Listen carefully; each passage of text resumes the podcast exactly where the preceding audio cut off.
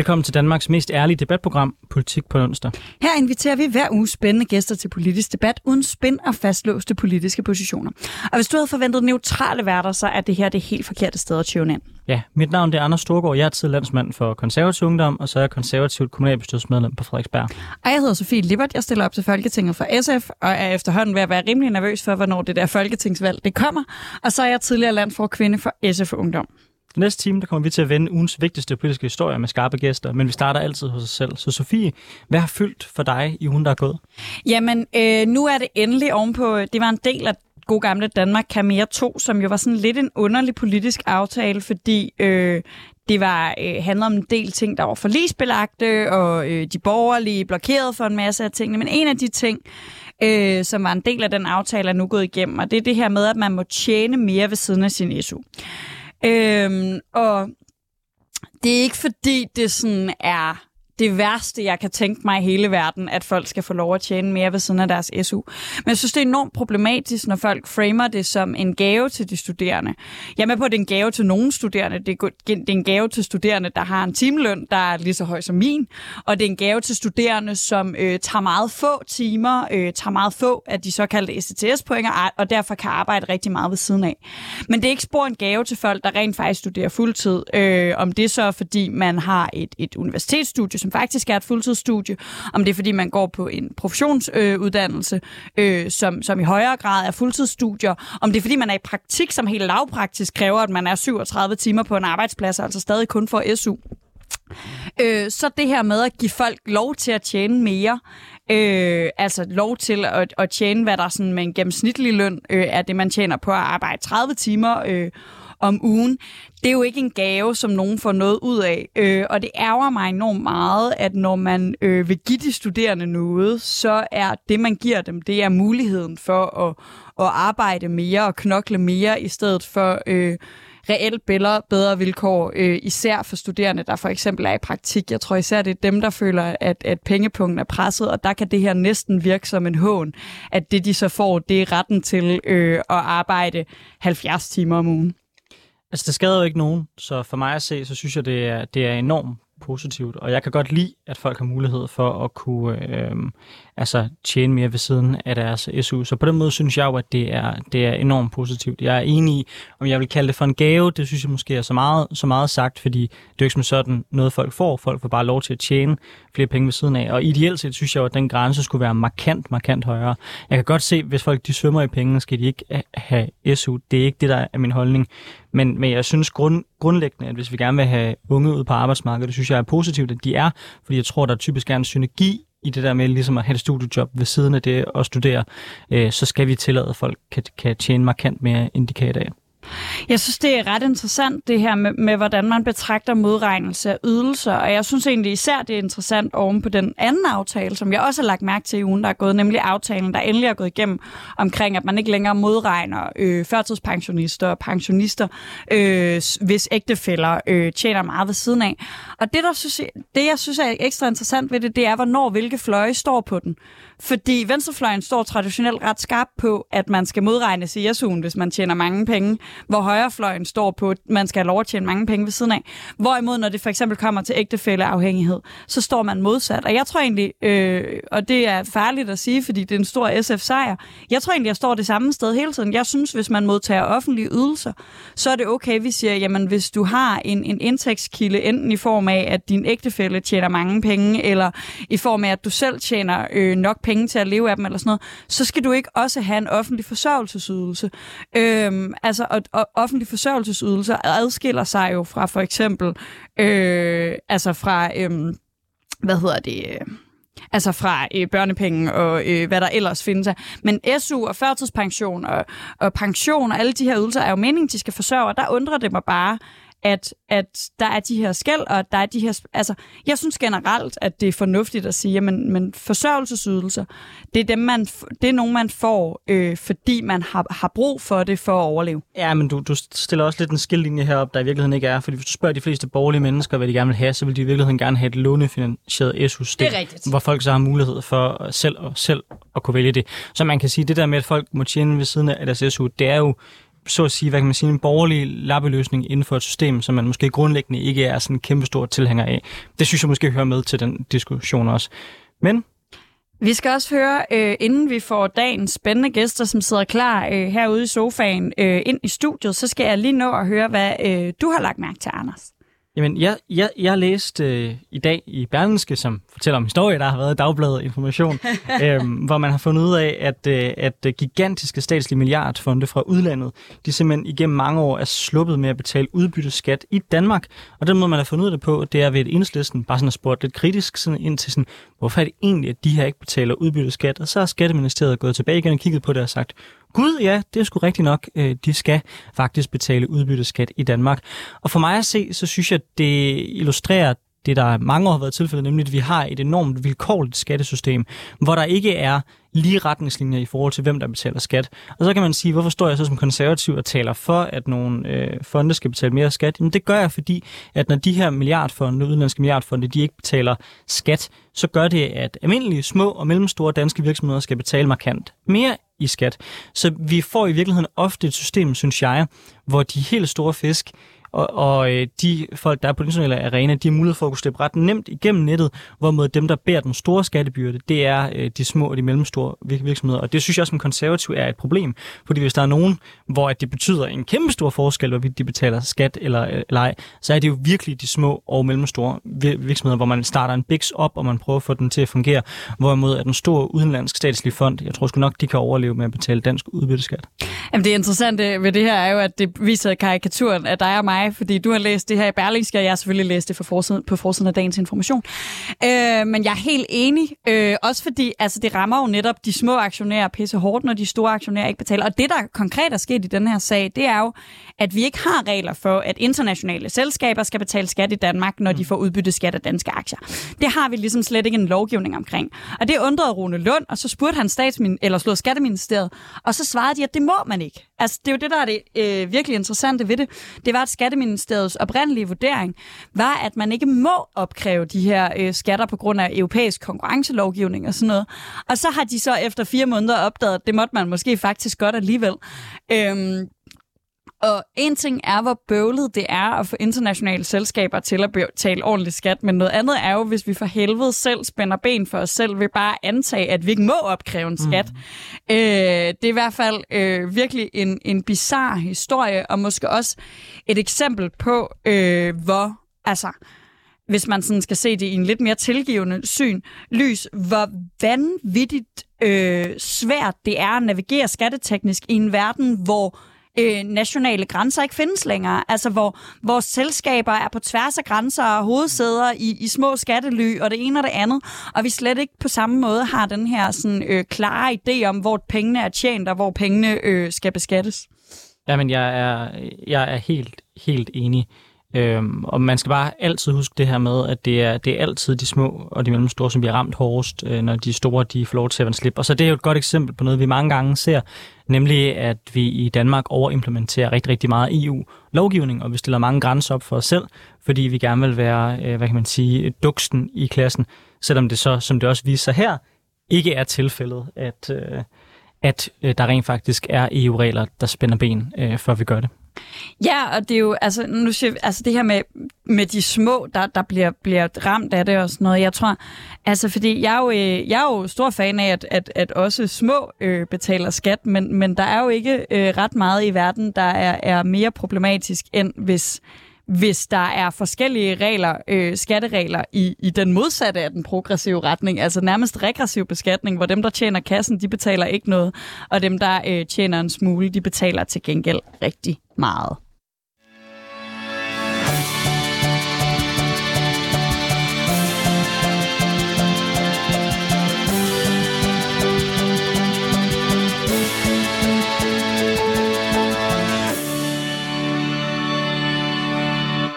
Du lytter til Politik på en onsdag med Anders Storgård og Sofie Libert. Vi har nu fået gæster ind i studiet. Øh, men inden jeg sådan rigtig byder velkommen til dem, så skal jeg jo lige minde dig om, at du som lytter også kan deltage i debatten. Det kan du ved at downloade 24-7-appen og finde Politik på en onsdag derinde. Der kan du så øh, finde det lille, fine, lyserøde chat-ikon op i højre hjørne øh, og tryk på det og skrive, hvis du har et spørgsmål til vores gæster. Hvis du ikke lytter med live, øh, men derimod er sådan en podcast-type, der for eksempel er på arbejde tirsdag mellem, eller slået onsdag mellem 10 og 12, øh, så kan du selvfølgelig komme med inputs til, hvad vi skal snakke om i næste uge, i stedet for at bidrage til debatten i dag, for vi kan desværre ikke regne ud, hvad du har tænkt dig at stille af spørgsmål, når du hører det her i eftermiddag. Og her i studiet, der har vi fået besøg af to fantastisk skarpe gæster og en med over telefon. Og vi lægger altid ud med at spørge vores gæster, hvad har fyldt noget for dem i ugen, der er gået? Noget, de har lagt mærke til, nogle preshistorier, der har været på deres radar. Også for at lære vores gæster bedre at kende. Og til at starte med, så vil jeg gerne byde velkommen til dig, Jens Christian Nytgen. Du er beskæftigelse- og integrationsborgmester øh, for Venstre i København. Øhm, hvad har du lagt mærke til? Hvad har fyldt noget på jeres dagsorden i ugen, der er gået? Jamen, altså jeg vil sige, øh, alt der har noget med Ukraine fylder jo meget for mig, øh, fordi jeg har jo ansvaret for øh, de ukrainer, der kommer til København, så det følger jeg meget med i, også fordi jeg sådan har en personlig aktie i det. Jeg har været i Ukraine mange gange, og øh, to gange i år blandt andet, og sådan noget, så det, det er noget, der fylder meget for mig. Øh, og så har det selvfølgelig også fyldt noget, at, at Lars Løkke, han har øh, stiftet hans parti. Altså, øh, jeg tror, der er mange, der siger, at det, øh, det ignorerer man bare osv., men selvfølgelig fylder det noget, at den tidligere statsminister, den tidligere partiformand, han øh, officielt stifter partiet. Også selvom der er meget trængsel på midten, må man sige, og jeg er måske også lidt svært ved at se, hvad, hvad formålet egentlig er med endnu et, et midterparti. Det vil jeg gerne spørge mere ind til, men først skal jeg lige fange dig på det med Ukraine. Ja. Øh, I havde jo et forslag om at omdøbe den gade, hvor ja. den russiske ambassade den er på, øh, til Ukrainegade. Ja. Og jeg kunne se, at øh, forvaltningen ligesom havde været ude og, og hvad hedder man sige, det kunne ikke lade sig gøre. Ja. Så i stedet for, så diskuterede man om et, øh, om et område, i stedet for øh, skulle navngives efter øh, Ukraine. Kommer I til at acceptere den løsning, eller holder I fast i, I gerne vil have Det er jo også et, et politisk flertal, som ikke vil være med til at omdøbe Christianegade til Ukrainegade. Og Men det, fastholder I jeres forslag? Ja, det gør vi. Det er stadigvæk vores holdning, det her. Øh, men der er jo, altså nu er det jo blevet stemt ned sådan set to gange, øh, og der er jo også lidt en uenighed om, om man må gøre det eller ej.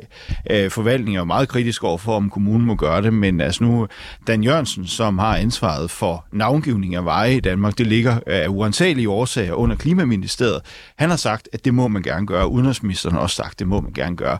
Så der i, efter min bedste overvisning, er der ikke noget lovgivningsmæssigt vejen for det, men der er et politisk flertal, som ikke vil være med til det. Og jeg synes, det er ærgerligt, at det nu måske ender med at blive en, en, en, en gade ude i det yderste Nordhavn, og først i 2024 ved siden af en containerterminal og sådan noget. Der synes jeg, man skulle have gjort det samme som i Oslo, og som man har gjort i Vilnius og i Prag, at omdøbe den gade, hvor den russiske ambassade ligger på. Det er øh, i hvert fald også, øh, man kan jo vælge at håbe på, at det føles mindre relevant i 2024, ja. Ja. end det gør lige nu. Ja. Øh, Udover dig, Jens Christian, så har vi også Emma Svensson med her i studiet. Velkommen til. Mange tak. Og vi kunne selvfølgelig også øh, godt tænke os at høre dig, og, og jeg tænker næsten, at det vi skal snakke om lige om lidt, er en af de ting, der har fyldt meget, men om der er andet, du sådan har lagt politisk mærke til den seneste uges tid? Ja, altså selvfølgelig har jeg også lagt mærke til øh, Ukraine. Det tænker jeg næsten ikke, man kan eksistere i verden lige pt. uden at, uden at have på radaren hele tiden. Øh, men ellers så har jeg også øh, sådan lagt mærke til, at det er Pride Month. Det er jo, øh, det er jo juni. Ja. Og det er Pride Month, og der er Pride Fair. Det kunne jeg også se, I havde herude på redaktionen. Det er jo dejligt at se. Øhm, og jeg er øh, selv øh, kvinde og gift med en kvinde, så det er jo noget, der også fylder noget, både for mig sådan personligt, men også politisk. Både at man nemt kommer til at sige, jamen, er det ikke det overståede kapitel, altså det her med at kæmpe for ligestilling? Det har vi jo, øhm, men øh, det har vi ikke. Det er jo interessant med Pride Month, især når man er i, i, i hovedstaden, hvor vi står i studiet lige nu, fordi der er, er der lidt en tendens til at have opdaget det, fordi man af en eller anden grund ikke har lagt Copenhagen Pride i mm. Pride Month, øh, hvorimod de andre Prides, mig bekendt, de fleste af de andre Prides i Danmark, ligger faktisk i juni. Øh, for eksempel Aarhus Pride, som, som typisk er den, jeg har været til. Øh, men, men kan du sådan, øh, bare lige sådan kort, hvor, hvorfor er det vigtigt at have en, en, en måned, vi kalder Pride Month? Hvorfor er det her en, altså, øh, jeg tror, der er mange, der tit kigger på den der parade, og har de der, der kender vi alle flosklerne, og alle, øh, hvorfor skal de stå der? Men hvorfor klart. er det vigtigt at have en måned, hvor vi taler om de her ting? Jeg tænker, det er enormt vigtigt, fordi ellers så bliver det glemt. Øh, rigtig mange velmenende mennesker, ofte mennesker, jeg, jeg kender og godt kan lide, de siger, jamen, øh, Jamen, jeg er ligeglad med, om folk er homoseksuelle. Jeg er ligeglad med, om de er transkønnede. Det, det rører mig ikke. Og sådan, nej, men det er fordi, det er, ikke han, det er ikke dig, det går ud over. Du ser ikke alle de ting, der man alligevel lige bliver ramt af. Altså, det, jeg skal tilbage så sent som i går, hvor jeg fik øh, en, øh, en besked på de sociale medier om, at øh, det var så også for for, i forbindelse lidt med Ukraine og noget, at jeg havde lavet noget, et Pride-opslag, og så var det en, der skrev, jamen... Øh, øh, på engelsk, at øh, når de var færdige med Ukraine, så kom de og efter alle queers i Europa. Så kunne vi lære det. Øhm, og den slags ting, de findes bare stadigvæk derude, øh, og, og det, det, det skal vi være opmærksom på. Hvis vi ikke ligesom sætter det på tapetet, ikke får snakket om det, så tror jeg, at det rigtig, rigtig ofte sker, at folk simpelthen ikke opdager det, hvis det ikke lige er dem personligt. Og øh, som Anders nævnte lige før, så har vi også en gæst med over telefon, så derfor skal jeg lige bede alle inde i studiet tage høretelefoner på. Øh, ja, bare dem der. øh, øh, sådan at vi kan høre øh, dig, Helle Marie Pfeffer. Velkommen til. Tak skal du have. Og du går rimelig rent igennem. Jeg håber også, du kan høre os. Det kan du tro, jeg kan. Du er industriteknikerlærling, øh, og så er du er tidligere jeg. socialrådgiver, og jeg kunne øh, rigtig godt tænke mig også, inden vi går i gang med debatten, at høre, hvad du sådan har politisk opmærksomhed på for tiden. Ja, altså nu er det jo ligesom blevet nævnt det her med Ukraine, og det kan jeg jo selvfølgelig heller ikke øh, undgå at, at, at, at følge med i. Men ellers det, der optager mig pt. rigtig meget lige nu, det er selvfølgelig øh, uh, Berlingeoprøret, uh, øh, hvor uh, Metal Ungdom uh, har været over og demonstrere i, i København. Og så også uh, mit frivillige arbejde i Metal Ungdom uh, Odense, hvor jeg er næstformand. Og så er det jo selvfølgelig også min, uh, min uddannelse, som uh, jeg brænder rigtig, rigtig, rigtig meget for. Og synes, at det er super fedt. Hvordan, øh, hvordan oplever du hele spørgsmålet om, øh, hvad kan man sige, om al den fokus, der bliver lagt lige nu på elevfordeling af gymnasieelever? Fordi jeg, jeg tænker, som en, der er industritekniker og lærling, må det føles måske en lille smule frustrerende, at det, der politisk optager partierne så meget, at det måske ikke er jeres kamp, men i stedet for bliver gymnasieelevernes kamp. Føler du, der er hvad kan man sige, en bias i forhold til, at folk er, er mere optaget af gymnasier, end de er af jeres vilkår?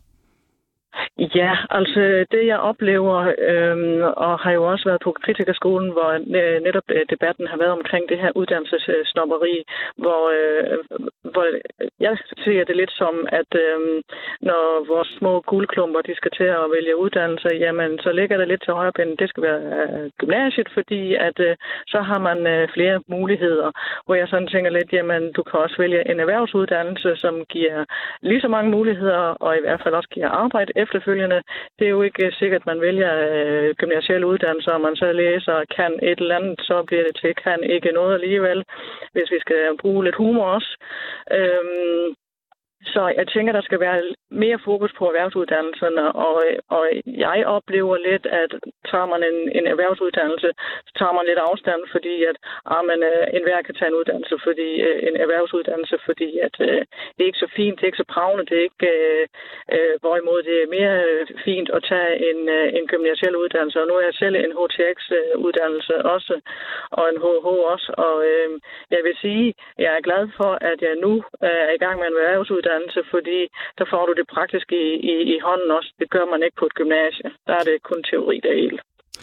Helle Marie Pefter, øh, Emma Svensson øh, og øh, Jens Christian Lytken. Velkommen til Politik på en onsdag. Tak. Nu går vi over til debatten.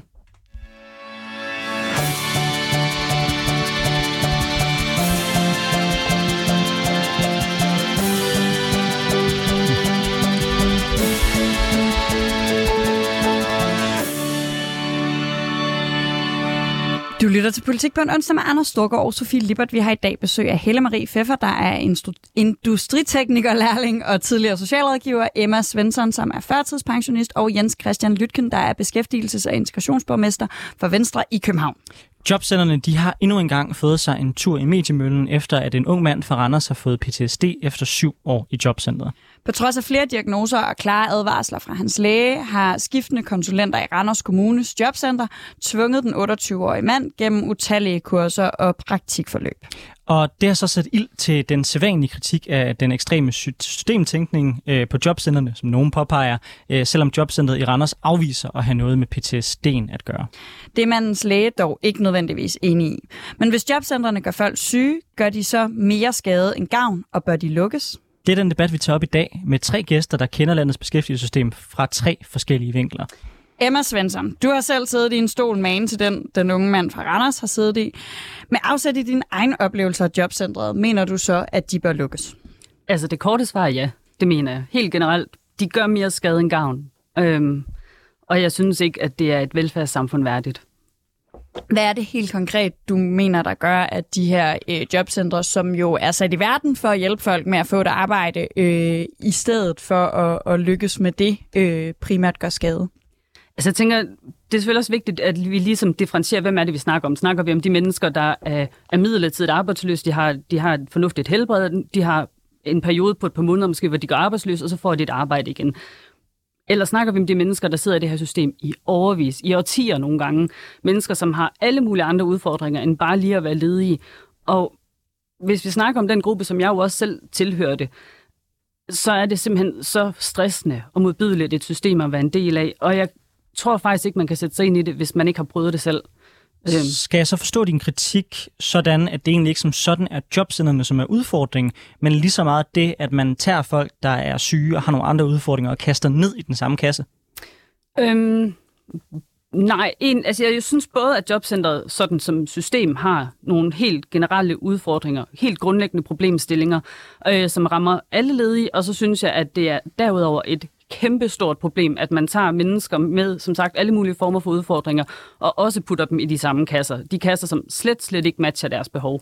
Øhm, men jeg synes også, der er nogle helt overordnede problemstillinger, bare i forhold til det med, med jobcentret. Øh, både i forhold til noget med lovgivning, i forhold til noget med kommunikation, øh, hvordan man møder folk, og det menneskesyn, der et eller andet sted grundlæggende øh, ligger bag det. Øhm, ja. Jens Christian Lytgen, du øh, har jo, er jo som beskæftigelsesborgmester i København, den øverste ansvarlige for i hvert fald Københavns jobcentre.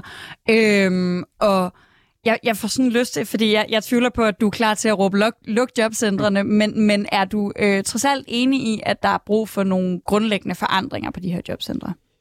Det kan godt være, at man skal ændre på noget lovgivning. Der er ikke noget, der er mere omfangsrigt end øh, beskæftigelseslovgivningen. Øhm, jeg tror, det der er lidt af nøglen til at, at forbedre jobcentrene, det er jo også det, du startede med at sige i indledningen, at du er skiftende sagsbehandlere. Det er jo det, der er en, en stor del af problemet. Det er, at nogle steder, der møder man som borger alt for mange forskellige mennesker, der er ikke tid til at forberede sig, øh, og det bliver sådan noget, der bliver jappet igennem, fordi man skal igennem et vist antal øh, samtaler, som skal tage et vist antal minutter, og det skal journaliseres osv. osv. Hvis man vil noget med de her jobcenter, så er man nødt til at højne kvaliteten. Det er jo det, vi har gjort i Københavns Kommune. Der har vi ændret på sagsstammerne, altså hvor mange sager har den enkelte sagsbehandler. Øh, og det har vi reduceret mærkbart. Og det kan vi jo se, det har en effekt, fordi så har man faktisk tid til den enkelte, og vi kan også se, at det har en beskæftigelsesmæssig effekt.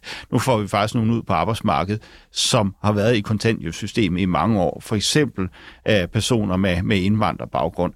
Så det kan man justere på. Øh, der er masser af lovgivning, som man med fordel kunne fjerne. Noget af det første, jeg gjorde, da jeg blev øh, borgmester for to og en halv måned siden, det var at indføre øh, mellem regel, hvor man ligesom melder ind, hvad er det, der ikke giver mening? Hvor spiller jeg min tid som sagsbehandler? Hvor spilder jeg borgernes tid? Hvor generer jeg borgerne mere, end det gavner?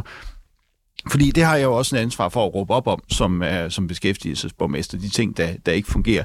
Det forventer jeg ikke, at man gør i de mindre kommuner, men det, det ansvar har vi i Københavns Kommune, at, at tage den debat og den dialog med, uh, med Christiansborg, som vi måske har lidt bedre mulighed for end, end så mange andre kommuner. Emma Svensson, de her tiltag, tror du, at de er øh, tilstrækkelige, eller i hvert fald brugbare til at gøre oplevelsen på jobcentrene øh, mindre voldsom og ubehagelig? Altså, jeg vil altid være glad for enhver lille forbedring, men jeg tænker, at de forbedringer, der bliver snakket om her, de er, de er fornuftige nok, men, men de er meget, meget små. Det er en enkelt lille dråbe i et kæmpestort hav, som, som simpelthen er, starter med et system, der grundlæggende ser ledige mennesker, altså arbejdsløse mennesker, som nogen, der ikke gider, nogen, der ikke vil, og nogen, der skal presses. Og noget af det, det kan man også se direkte bare den aller, aller første kommunikation, du får. Den dag, du er med ledig, så får du, øh, eller kort efter, så får du noget brev i din e-boks, og så står der, du er med ledig, du skal til samtale på jobcentret. Hvis ikke du gør det, og så fører du ellers bare paragraf efter paragraf efter paragraf med, med, hvad der kan gå galt, og hvad du skal vide. Og som du også selv siger, lovgivningen den er så kompleks, at politikerne ikke engang kan gennemskue det.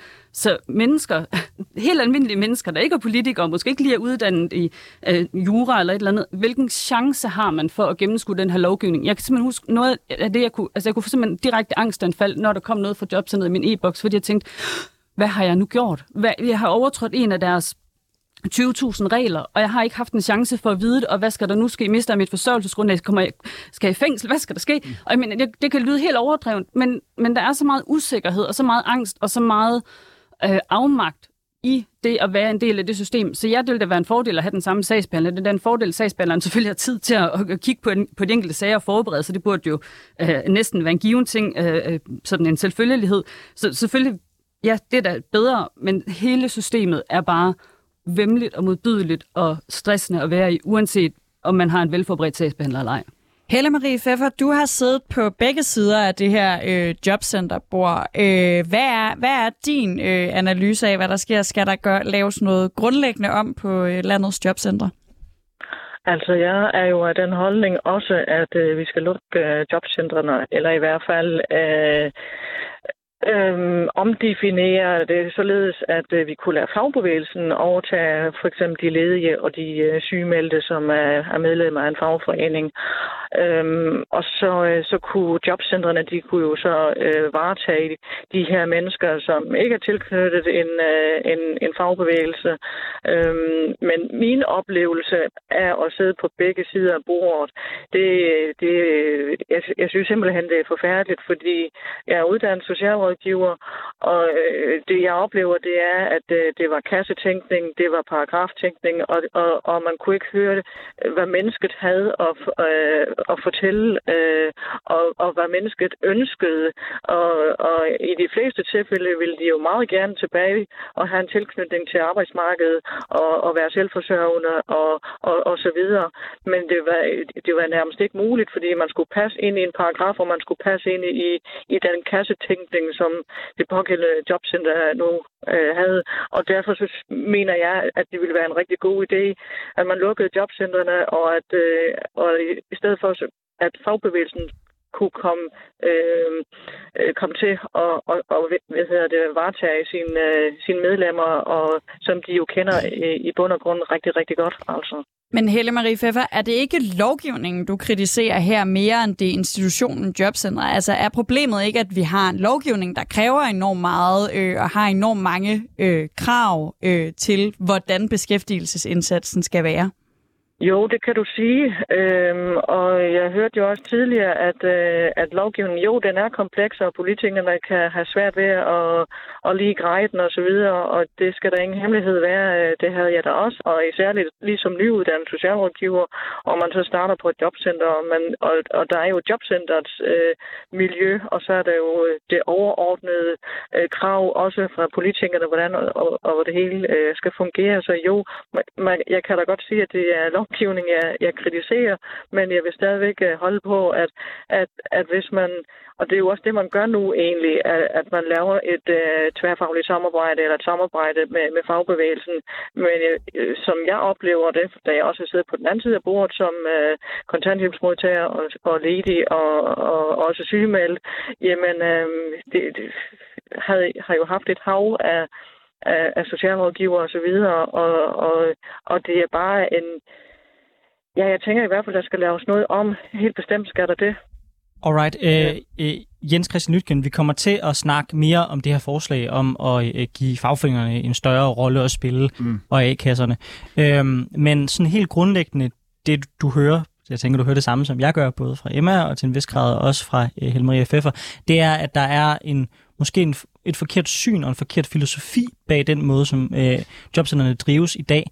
Er du enig i det, eller er det et spørgsmål, som du startede med, med at sige om byråkrati? Jeg, jeg, kan ikke genkende det der med, at det er sådan et andet uhyggeligt menneskesyn, man har på jobcenteret. Nu har jeg jo selv prøvet at være med til nogle af de her samtaler, blandt andet med unge under 25, som er aktivitetsparate. Fordi jeg har gjort det første som borgmester, det var at flytte mit kontor ud en gang om ugen, hvor jeg blandt andet er ude på jobcenteret. Sådan jeg selv prøver at være med til de der samtaler. Fordi et er, hvad man sådan bliver præsenteret for i sådan et, et beredskab, man kan få for ens forvaltning, eller en præsentation på et udvalgsmøde.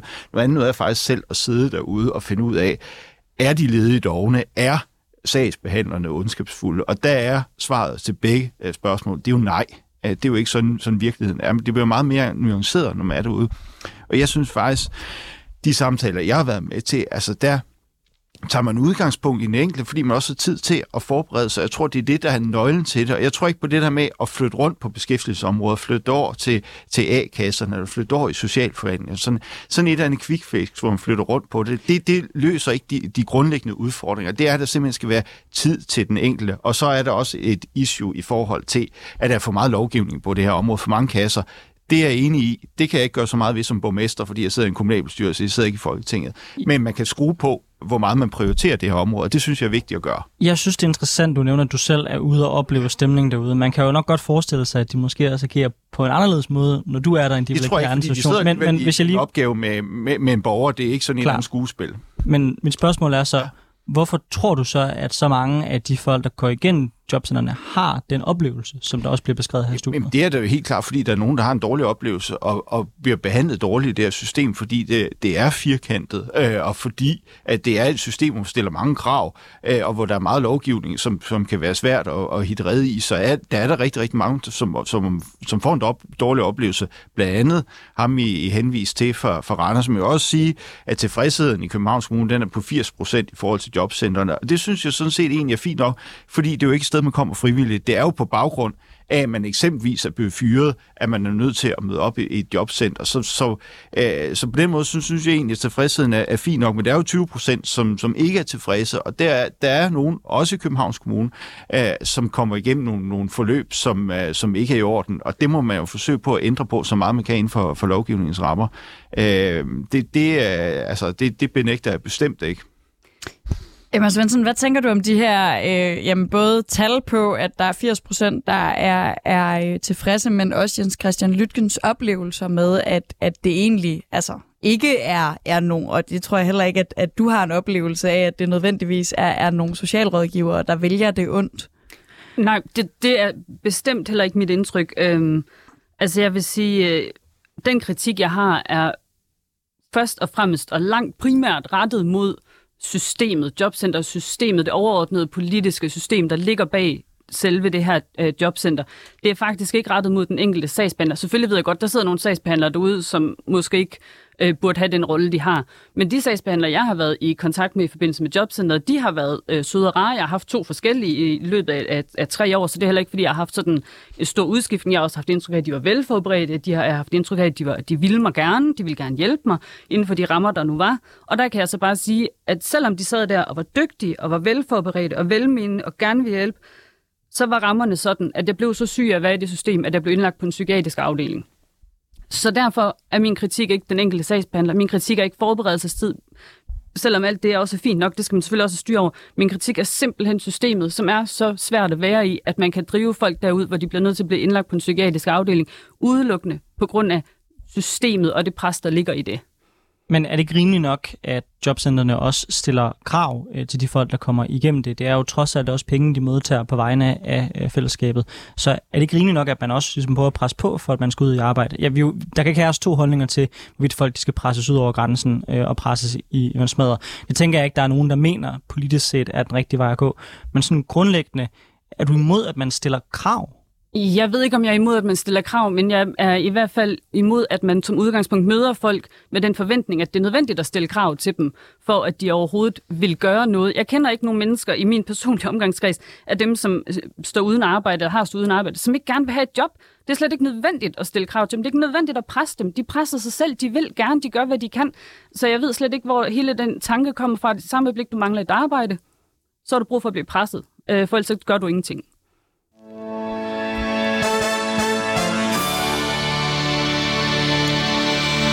Lytter til Politik på en onsdag med Anders Storgård og Sofie Lippert, hvor vi i dag har besøg af Helle Marie Pfeffer, der er industritekniker, lærling og tidligere socialrådgiver. Så har vi også besøg af Emma Svensson, der er førtidspensionist, og Jens Christian Lytken, der er beskæftigelses- og integrationsborgmester for Venstre i København.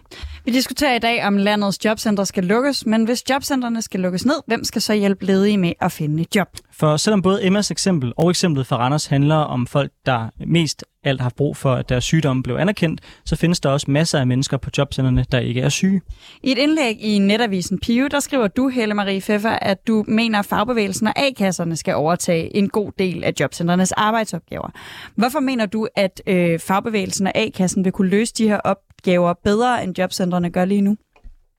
Det mener jeg, fordi at øh, fagbevægelsen, øh, nu er jeg selv medlem af Dansk Metal, og øh, de har jo fingrene på pulsen i forhold til, hvad der rører sig ud på øh, de repræsentative øh, arbejdsgiver, Hvis de mangler en, en smed, eller de mangler en industritekniker eller et eller andet, så, så har de større mulighed for at, at få os derud, end som jobcenteret øh, kan i forhold til, at øh, så er der flere øh, ansigter, der skal igennem, det er flere hoveder, der skal igennem, og, og der er rigtig meget administrativt i det i forhold til en virksomhedskonsulent osv. osv. Det, det er et stort apparat, der går i gang, og hvor, hvor øh, som sagt, øh, Dansk Metal, de har, øh, de, de har fingeren øh, på pulsen.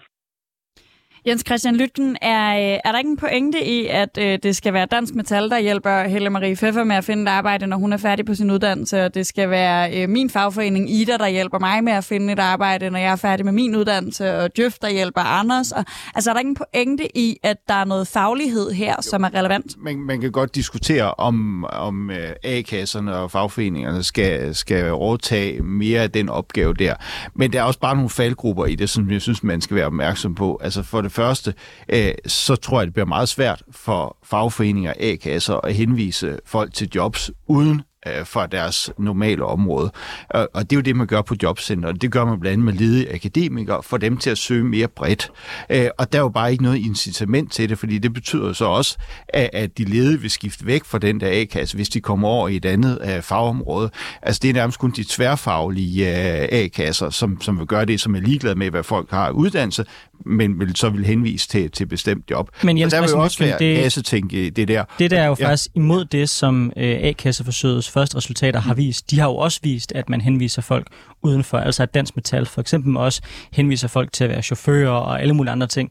Så, så er, det, er det har du noget belæg for at sige, at øh, de ikke kan være interesseret i... Der vil jo hurtigt opstå, det, det kan jo også se på, på, på andre områder, der hurtigt opstå sådan noget med, at man, man hæger meget om, om sit eget område. Det ved jeg også fra andre steder i kommunen, at for eksempel når man laver, øh, det er for KL, at når man laver forsøg med, øh, altså med, hvad hedder det, øh, forskellige former for merituddannelse på pædagogområdet og sådan noget, så er der knas med, med fagforeningen. Men det er jo en kæmpe til, udgift for fagforeningerne, at folk de er arbejdsløse, så hvorfor har de ikke interesse i, i at folk i arbejde? Jo, de er også interesse i at beholde deres medlemmer. Så må jeg sige, det er jo heller ikke nogen kunst øh, at få folk i arbejde lige nu, øh, som ikke har andre udfordringer, end at de står uden arbejde. Altså navnlig på for eksempel metalområdet. Altså hvis Dansk Metal de kunne stampe nogle flere smede op af jorden, øh, det, det vil vi jo alle sammen være glade for. Men der er bare ikke særlig mange ledige smede, og der er sindssygt mange øh, ledige jobs inden for det her område her. Så det er jo ikke nogen kunst at få, få folk i arbejde, sådan som konjunkturen er nu, men det er jo dem, som har andre problemer end blot, at de står uden for arbejde. Og der tror jeg ikke nødvendigvis, at, øh, Øh, at, øh, at fagforeninger og A-kasser er de bedste til at løse den der opgave der.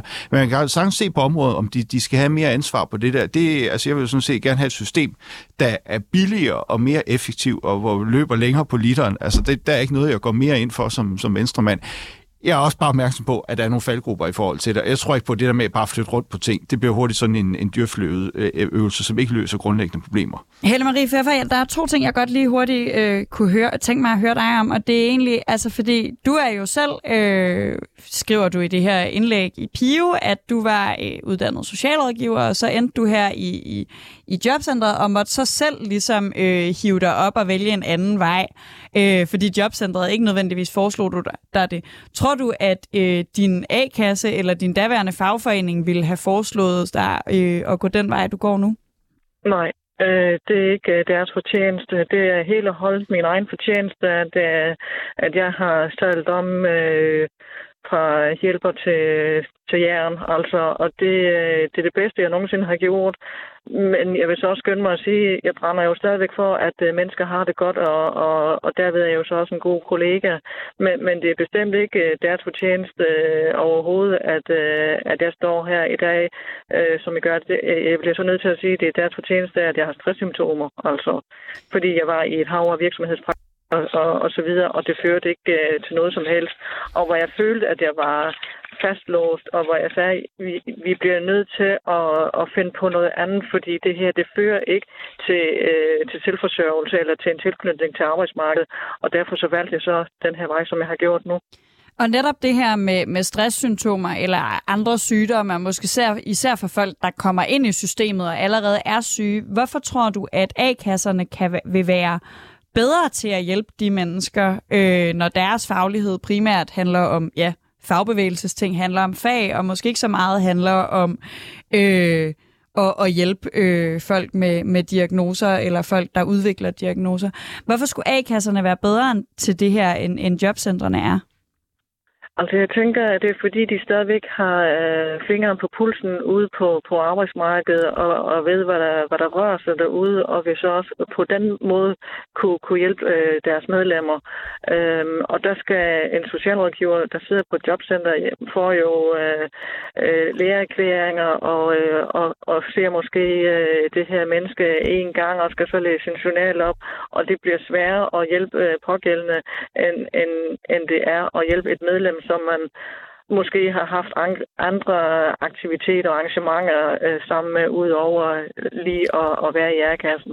Alright. Uh, Emma Svensson, tror du, det havde hjulpet på din situation og på det, du har oplevet derude, hvis det havde været fagforeningerne og A-kasserne, der havde stået for arbejdet frem for jobcentrene?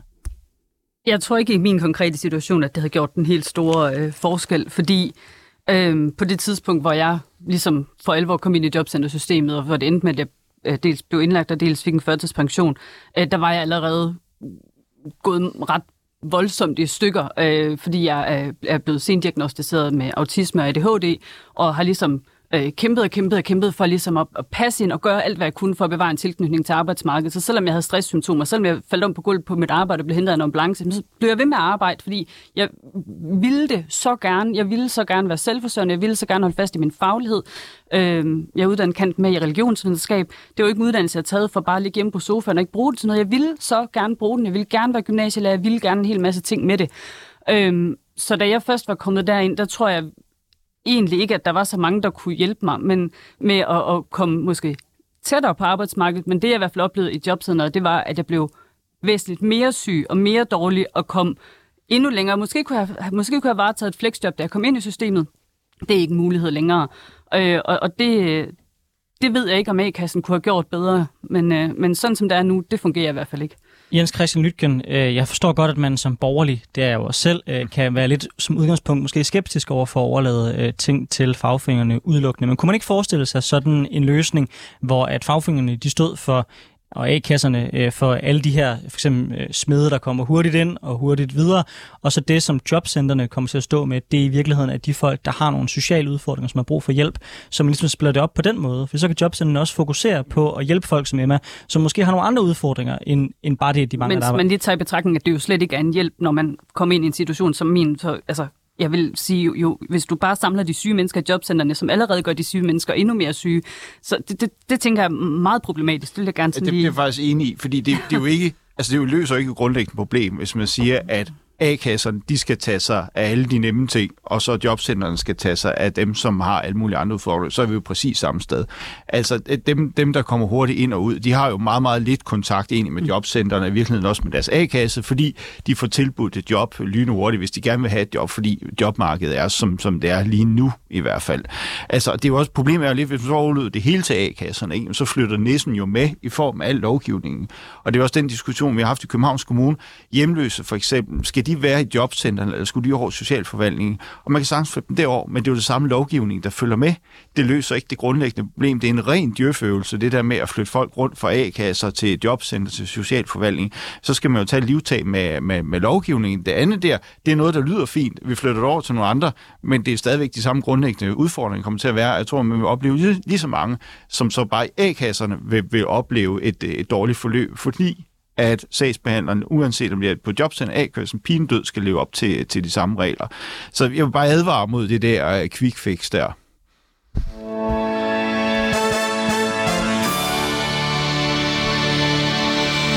Du lytter til Politik på en onsdag med Anders Storgård og Sofie Lippert. Vi har i dag besøg af Helle Marie Pfeffer, der er industriteknikerlærling og tidligere socialrådgiver. Emma Svensson, der er førtidspensionist. Og Jens Christian Lytgen, der er beskæftigelses- og integrationsborgmester for Venstre i København. Ja, vi diskuterer i dag, om jobcentrene skal lukkes, og om beskæftigelsesindsatsen skal varetages et andet sted. Men spørgsmålet er, om det er nok, eller om der skal helt andre boller på summen. I dag handler en stor del af beskæftigelsesindsatsen om at leve op til en lang række krav og forventninger, som vi har beskrevet flere gange her, som er defineret i lovgivning. For eksempel skal man som ledig søge to jobs om ugen for at beholde sin ydelse. Torsten Geil, der sidder i Folketinget for Alternativet, mener dog, at indsatsen skal vendes på hovedet og siger blandt andet til TV2 Østjylland, der er ingen, der kan tvinge nogen til noget. Du kan ikke tvinge de ledige til noget. Tilbudene skal være så gode, at de siger ja, uden at blive tvunget. Og han foreslår, at man øh, laver langt mere individuelle forløb, der passer til de enkeltes behov. Jens Christian Lytgen, du øh, blev beskæftigelsesborgmester i København efter en del sager om problemer mm. i jeres jobcentre. Øh, og jeg ved godt, at du normalt har den her meget, hvad kan vi gøre inden for kommunens rammer, øh, hat på, og det forstår jeg godt. Men øh, er du trods alt enig i, at der måske er nogen, der skal lave noget grundlæggende om i den lovgivning, vi har? Altså, Jamen, skal vil, der vendes noget jeg, på hovedet jeg, her? Meget, jeg ved ikke, om der er noget, der skal vendes på hovedet, fordi Alternativet går også ind for borgerland. Det, det går jeg ikke ind for. Så der ligger jo lidt mere i det bag de der fine ord, som Thorsten Geil kommer med. Vi kunne have meget mindre lovgivning på det område. Det synes jeg er væsentligt. Jeg synes også, der er jo også frikommuneforsøg på det her område. Ikke? Og der, der må man jo sige, at når regeringen taler om, om frihed, så er det jo inden for visse afmålte rammer. Uh, så det er jo ikke fuldstændig, man har kastet alting op. Det kunne jo være interessant at ske, se, hvad, hvis man gjorde det. Men for eksempel i Aalborg har de jo fået lov til, at man også lettere kan starte egen virksomhed, mens at man, man er på dagpenge og laver et forsøg med det og sådan noget. Og sådan noget frihed, synes jeg at vi skal have meget mere af i kommunerne, og, og fjerne noget af alt det her lovgivning på det her område. Også gør, gør sådan, at sagsbehandlerne kan få mere af deres faglighed i spil, fordi der, der er rigtig, rigtig mange ting, de skal bruge tid på at sidde og krydse af i, øh, i de der øh, computersystemer, de har til det. Hvis jeg sendte Folketinget på ferie i morgen, og du fik helt frie rammer, hvad vil du så gøre for en som Emma? Jamen, så skulle det jo være muligheden for, at man kan se mere individuelt på det. Der er jo for så vidt enig med, med Thorsten Geil. Altså, jeg synes jo, at man selvfølgelig skal man holde fast i den her rådighedsforpligtelse, og folk de, de skal yde noget for, for de penge, man får fra, fra fællesskab. Det er sådan en grundlæggende liberal holdning. Ellers så må man jo sige nej til at, at modtage støtte. Men det skal også være sådan, at man ikke holder folk i, øh, i, i det her system i overvis. Altså, kontanthjælp er en midlertidig ydelse. Vi kan bare se, at der er mange, der hænger fast i systemet mange år, og som venter på at for forskellige afklaringsforløb og sådan noget. Det skal man have langt hurtigere ud over rampen. Det, her. Øh, det, det tror jeg, det vil, øh, vil gøre en forskel, og så give noget mere frihed til, øh, til sagsbehandlerne, fordi de er super dygtige. I hvert fald dem, jeg har mødt, der har faktisk fået et rigtig godt indtryk af det her, men de har også bare nogle meget, meget snævre rammer, og måske også i høj grad bruger tiden på, på det forkerte, for meget indrapportering og sådan noget. Men grundlæggende, så skal man holde fast i, at man har en rådighedsforpligtelse, men man skal støtte til rådighed for arbejdsmarkedet, og som der også bliver sagt, så vil de fleste jo gerne arbejde, og så skal man finde ud af, hvordan kan det lade sig gøre. Og vi er jo begunstige af, at der er mangel på arbejdskraft, så det er jo nu, vi kan, kan få folk med. Øh, de skal jo ikke sidde og hænge på jobcentrene.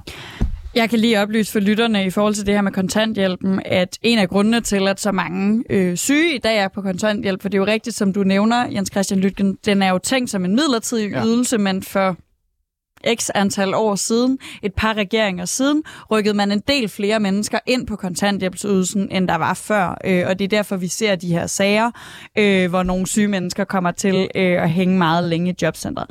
Men jeg kunne godt tænke mig at høre dig, Helle Marie Pfeffer, fordi du har jo både skulle navigere efter al den her lovgivning og alle de her krav, og jeg kunne godt tænke mig at høre, om, om du er enig med Alternativet i, at der måske er, er brug for færre krav og flere gode tilbud. Det er jeg helt enig i. Også øh, det, der blev talt om, at øh, et individuelt, individuelt forløb, det vil være super godt, øh, og hvor, øh, hvor, hvor øh, socialrådgiverne de vil få frie hænder, og, og så at der blev lavet om på, på rammerne osv. Altså sådan, sådan til man hører det enkelte mennesker, at man har muligheden for at, at hjælpe osv. Det, det vil jeg se som en rigtig, rigtig god mulighed i hvert fald. Hvad er det for nogle krav, der lige nu begrænser socialrådgivernes arbejde? Øhm, det er jo lovgivningen, at øh, øh, nu, nu er det lang tid siden, jeg har arbejdet som socialrådgiver, som sagt, øh, men, men det jeg husker, det er i hvert fald, at der er nogle, øh, nogle krav og nogle rammer, der gør, at, at man tænker meget øh, firkantet, øh, og, og, altså, øh, og kan Øh, hvad hedder det, sætte ind med noget virksomhedspraktik, og, øh, og, og det var jo det, jeg oplevede også, at blive sendt ud i en virksomhedspraktik, og så håber man og krydser fingre for, at øh, det her, det vil så give, øh, give job, men det gjorde det så ikke. Øh, så derfor har jeg også oplevelsen af virksomhedspraktik, at det er sådan lidt, lidt gratis arbejde, og det, det er synd, fordi det kunne være en rigtig god mulighed. Emma Svensson, nu har du hørt lidt på de to andre gæster øh, og deres løsningsforslag. Hvad synes du om de idéer? Det her med at gøre det mere individuelt øh, og fokusere på individet frem for måske at fokusere så meget på lovgivningen, som man gør i dag. Tror du, det vil være nok? Altså, jeg synes i hvert fald, det er et, et udmærket sted at starte, men nej, jeg tror ikke, det vil være nok. Altså, helt, jeg mener, at vi har et kæmpestort systemisk problem, og det bliver ikke løst hverken med mere forberedelsestid, eller mere med de samme sagsbehandlere, eller ved at gøre det lidt mere individuelt. Jeg mener simpelthen, at systemet skal gentækkes helt fra bunden. Øh, jeg har ikke øh, desværre den helt store forkromede løsning, det ville jeg ønske, at jeg sådan lige kunne rulle ud her til sidst. Øh, men, men jeg mener også for eksempel sådan noget som, at der ligger så mange øh, sociale indsatser i jobcentrene. Det finder jeg også dybt problematisk, fordi det betyder, at øh, i samme øjeblik, du så for eksempel ikke er tilknyttet et jobcenter mere, som for eksempel jeg ikke er længere, fordi jeg er blevet førtidspensionist, så forsvinder en, en lang række muligheder for sociale indsatser. Så skulle du lige pludselig overgå til en anden sagsbehandling i en anden afdeling, og så bliver det alt sammen lige pludselig meget øh, besværligt. Og de har ikke de samme midler, de har ikke det samme fokus, for når du ikke længere er sådan potentiel arbejdsmarkedspotentiale og potentiel skatteindbetaler, jamen så er den mængde penge og ressourcer, man er villig til at investere i dig som menneske, det er bare ikke den samme. Det, det må jeg bare sige. Så jeg mistede for eksempel en, en meget, meget god mentorordning, som jeg var utrolig glad for, øh, og som jeg gerne havde set fortsætte, fortsætte som for eksempel bostøtte. Det kunne ikke lade sig gøre. Jobcenteret ville gerne betale, det ville øh, den specialiserede socialafdeling ikke. Øh, og, og derfor så, så kunne det lige pludselig ikke lade sig gøre længere, hvor jeg tænker, det er simpelthen, altså mit behov for støtte er jo ikke ændret, fordi jeg er overgået fra den ene ydelse til den anden. Men fordi vi har så meget beskæftigelse og socialpolitik, der er blandet sammen på alle mulige mærkelige måder, så ender en masse mennesker bare også med at stå i nogle forfærdeligt rodede situationer, som man ikke har en chance som borger for at gennemskue. Igen kvæg hele denne her øh, uoverskuelige mængde af lov og paragrafer og sagsbehandlere og tusind ting. Er det i virkeligheden grundkernen af problemet? Det er, at vores socialområde og vores beskæftigelsesområde er blevet så fedtet ind i hinanden, at vi netop for eksempel ikke kan finde ud af at skelne mellem, om vi snakker om arbejdsløse, der kan tage et job, eller arbejdsløse, der kan tage en lille smule arbejde, eller arbejdsløse, der nok ikke kommer til at tage et arbejde. Altså er det her sådan kernen af problemet fra, fra din, din synsvinkel? Det er i hvert fald en af de helt stør- en af de klart største problematikker, det er, at det hele er blevet rodet ind i hinanden på en måde, så, så, ja, så ingen rigtig kan skælne, og så er det også svært at vide, hvad er det, vi snakker om. Snakker vi om folk, der bare lige er ledige i et par måneder? Snakker vi om folk, der er nyuddannede og nok skal få et arbejde? Eller snakker vi om folk, der øh, har alle mulige udfordringer, udover lige at være ledige? Og, og hvordan skal alt det her passe sammen inde i det samme system? Det, det er noget forfærdeligt rod, og det gør, at man får lavet de her kasser, og ikke kan se på individet, uanset hvor gerne den enkelte velmenende socialrådgiver egentlig gerne vil gøre det. Jens Christian altså, hvis jeg nu skal være lidt, lidt polemisk, så at sige, jeg synes jo sådan set en fordel, jo mere man får rodet ind hinanden, fordi så kan det være den samme sagsbehandler, der klarer det hele, i stedet for, at man skal løbe spidsråd mellem forskellige offentlige instanser.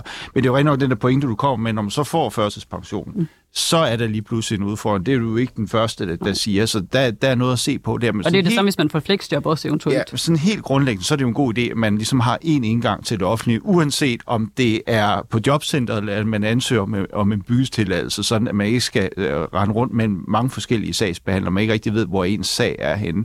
Men det skaber selvfølgelig også en udfordring. Det, det synes jeg er værd at tage med, sådan set, fordi du er ikke den første, der siger det der. Mm. Emma Svensson, de 30 sekunder. Det Nej, men øh, det jeg vil sige i forhold til det her med, at, at, at øh, så har man kun én sagsbehandler. Det kan godt ske, at det er virkeligheden set for din stol, men jeg har jo stadigvæk siddet, mens jeg har været i, i, i jobcenter så har jeg også siddet og haft sagsbehandlere fra andre områder, og når man sidder til sådan noget som et rehabiliteringsteam møde, hvor der er lige pludselig syv forskellige fagpersoner, som har alle mulige mærkelige holdninger til alt muligt, hvad man skal, øh, som man slet ikke kender, så har man altså ikke oplevelsen af, at der er én indgang, det her det er nemt overskud, det her det er et system, der er lavet for at hjælpe mig videre. Det er bare ikke den oplevelse, man har. Helle Føffer, øh, Emma Svensson og Jens Christian Lytken, tusind tak, fordi tak. I var med i programmet i dag. Hvis man synes, det er interessant at høre øh, det her program og andre, så kan man altid finde Politik på onsdag på den podcast-platform, som man bruger.